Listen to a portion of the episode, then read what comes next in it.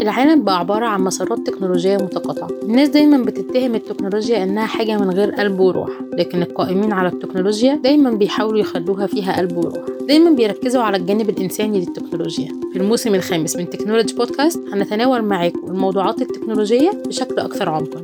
أنا نيرة عيد. وأنا مهاب شريف. صباح التكنولوجيا من جديد.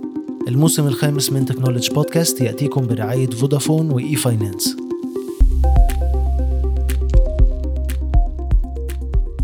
العملات المشفرة تنخفض من 3 تريليون دولار إلى 728 مليار في أقل من عام. انهيار منصة FTX يثير التخوفات حول مستقبل العملات المشفرة.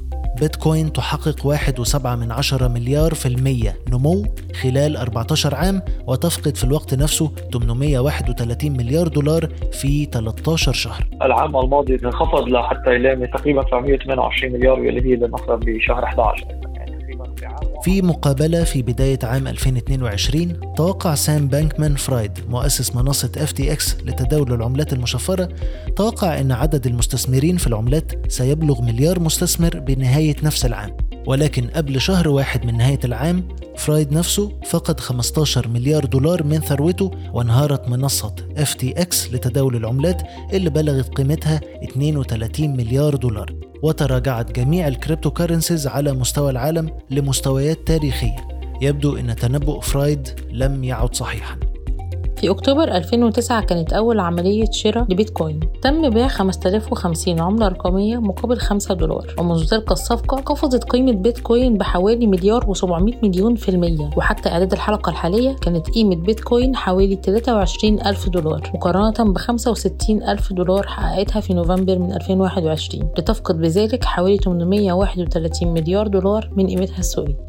ومع بداية 2023 يتخوف كثيرون من مستقبل العملات الرقمية والمشفرة. بعد ما شهدته نهاية عام 2022 من تقلبات حادة في العملات المشفرة متأثرة بالحالة الاقتصادية على مستوى العالم. وهو ما يرى وائل مكارم كبير استراتيجيي السوق لمنطقة الشرق الأوسط وشمال أفريقيا في أكسنس توجه يستحق التفكر والأخذ بالاعتبار. العملات المشفرة عم تشهد خلال آخر عام 2022 كانت عم تشهد تراجعات قوية. وخاصة يعني حصل أمور عدة العام الماضي هي ثقلت كثير على العملات المشفرة. أبرزها كانت انهيار أيضا عملة لونا خلال شهر مايو ومن بعد أيضا FTX والمنصات الأخرى اللي كانت عم ترجح أيضا الإفلاس أو إقفال وعدم مزاولة العمل. فهذه أثرت سلبا على ثقة المستثمرين وخاصة المستثمرين على المدى البعيد. من ناحية أخرى اقتصاديا كان في ما بيخفى الأمر عن حدا كان في ارتفاع في الفوائد حول العالم. أي البنوك المركزيه كانت عم تقوم بتشديد سياساتها النقديه ورفع الفوائد وهذا الشيء عادة بيكون سيء للاصول أو الاستثمارات اللي تعتبر نوعا ما خطرة ومنها العملات المشفرة. فكنا عم نشوف تراجعات يعني عم نحكي نحن خلال نوفمبر عام 2021 كان نص الحجم القيمه السوقية للعملات المشفرة بحدود 3 تريليون دولار بينما العام الماضي كان انخفض لحتى يلامس تقريبا 728 مليار واللي هي لنصر بشهر 11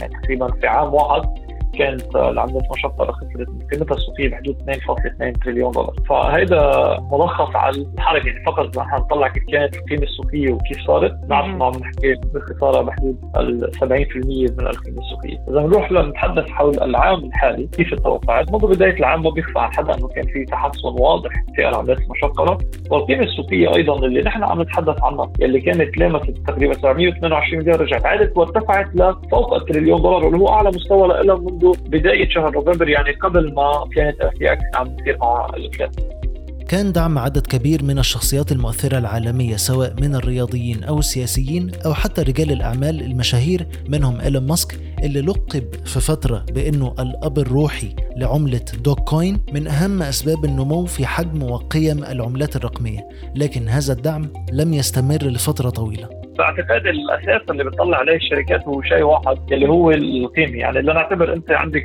business معين يعني شركة معينة وبتقاضي أموال في العملات الرقميه لنعتبر أنت عم تبيعي service أو product يعني يا خدمة أو عم تبيعي سلعه 1000 دولار. وهيدي ال 1000 دولار عم تقبضي حقها في العملات الرقميه فأنت لو أعتبر صار عندك 1000 وحدة من عملة رقميه كانت كل وحدة منها بتساوي دولار. إذا أنت بدك تضلك محافظة على هيدي العملة الرقميه وصار في هبوط 50% من سعرها. بالفعل أنت أخذت السعر 500 دولار بدل ال 1000 دولار. وإذا كانت تكلفتك هي للصناعه مثلا أو للقيام بالخدمة هي 800 دولار فأنت أصبحت بخسارة. فالشركات اللي عم تلجا له هو إنه بتقبض هيدي العملات الرقمية لحتى تجعلها كوسيلة. يعني عم تعملها كوسيلة تسويق إنه اليوم الشركة الفلانية بتقبل تأخذ منها عملات رقمية. فبروح أنا بشتري منه عبر العملات الرقمية فبهذه الطريقة بتكون هي عم بتزيد مبيعاتها. ولكن هي ما عم تحتفظ في العملات الرقمية هي عم تروح على منصات ودغري تستبدل العملات الرقمية بعملات متعارف عليها.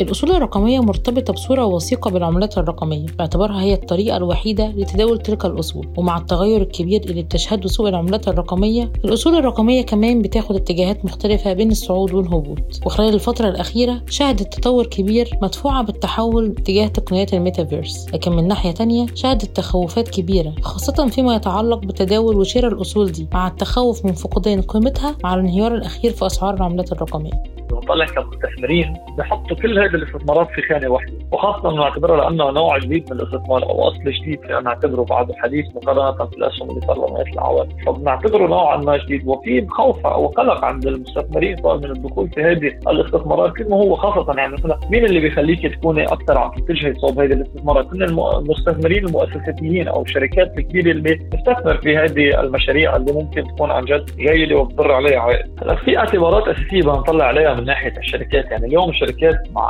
خاصه شركات تكنولوجيا اللي هي رائده الاستثمارات في هذا الأنواع. مع ارتفاع الفوائد العام الماضي كان عام صعب عليهم. يعني شركات مهمة جدا خسرت أكثر من 70% من قيمتها شركات تكنولوجيا معروفة وعريقة. وهيدا بحط نحن شركات التكنولوجيا هي شركات نمو بنعتبرها. هي عادة بتغذي النمو تبعها من خلال الحصول على ديون معينة أو كريدت. ومع ارتفاع الفوائد هذا الشيء صعب الأمر وعلى التكلفة على هذه الشركات القيام بمشاريع توسعية والدخول في فهذه المرات الجديده نوعا ما. فهيدا من مين بحقق الفلوس اللي ممكن تدخل على هذه الاستثمارات. على المدى البعيد أنت عم بتراهن إنه يصير في ادوبشن أو يصير في ناس أكثر عم تستعملها.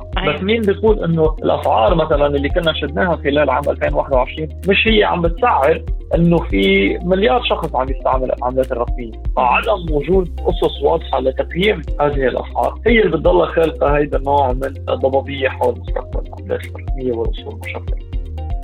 كينيث روجوف كبير الاقتصاديين الأسبق في صندوق النقد الدولي وأستاذ الاقتصاد والسياسة العامة في جامعة هارفارد أكد على أن الدعم اللي وجهه أصحاب منصات التداول للعملات الرقمية لكتير من المؤسسات التشريعية في بعض الدول سمح لها بفترة أطول من الحرية. قبل وضع تشريعات حاكمة لتلك العملات وفي النص الثاني من 2022 أعلنت السلفادور إنها هتكون الدولة الأولى عالميا اللي بتعتمد البيتكوين كعملة رسمية بيتم التعامل بها في البلاد. لكن بعض الاستطلاعات أكدت أن 24% فقط من السكان هم اللي ممكن يستخدموا البيتكوين في الدفع ومع ارتفاع فاتورة الدين في البلاد فإن استخدام العملة المشفرة اللي فقدت 60% من قيمتها ما كانش هو الخيار الأنسب للاقتصاد المحلي. من ناحيتها بدأت العديد من البنوك المركزية في اتخاذ خطوات واسعة نحو اعتماد العملات الرقمية الرسمية كوسائل نحو التحول الرقمي في كافة المعاملات اليومية ومنها الدفع بطبيعة الحال. غير إن ده يختلف كليا عن العملات المشفرة التي تقوم على فكرة اللامركزية في الإنشاء والتداول وملكية العملات.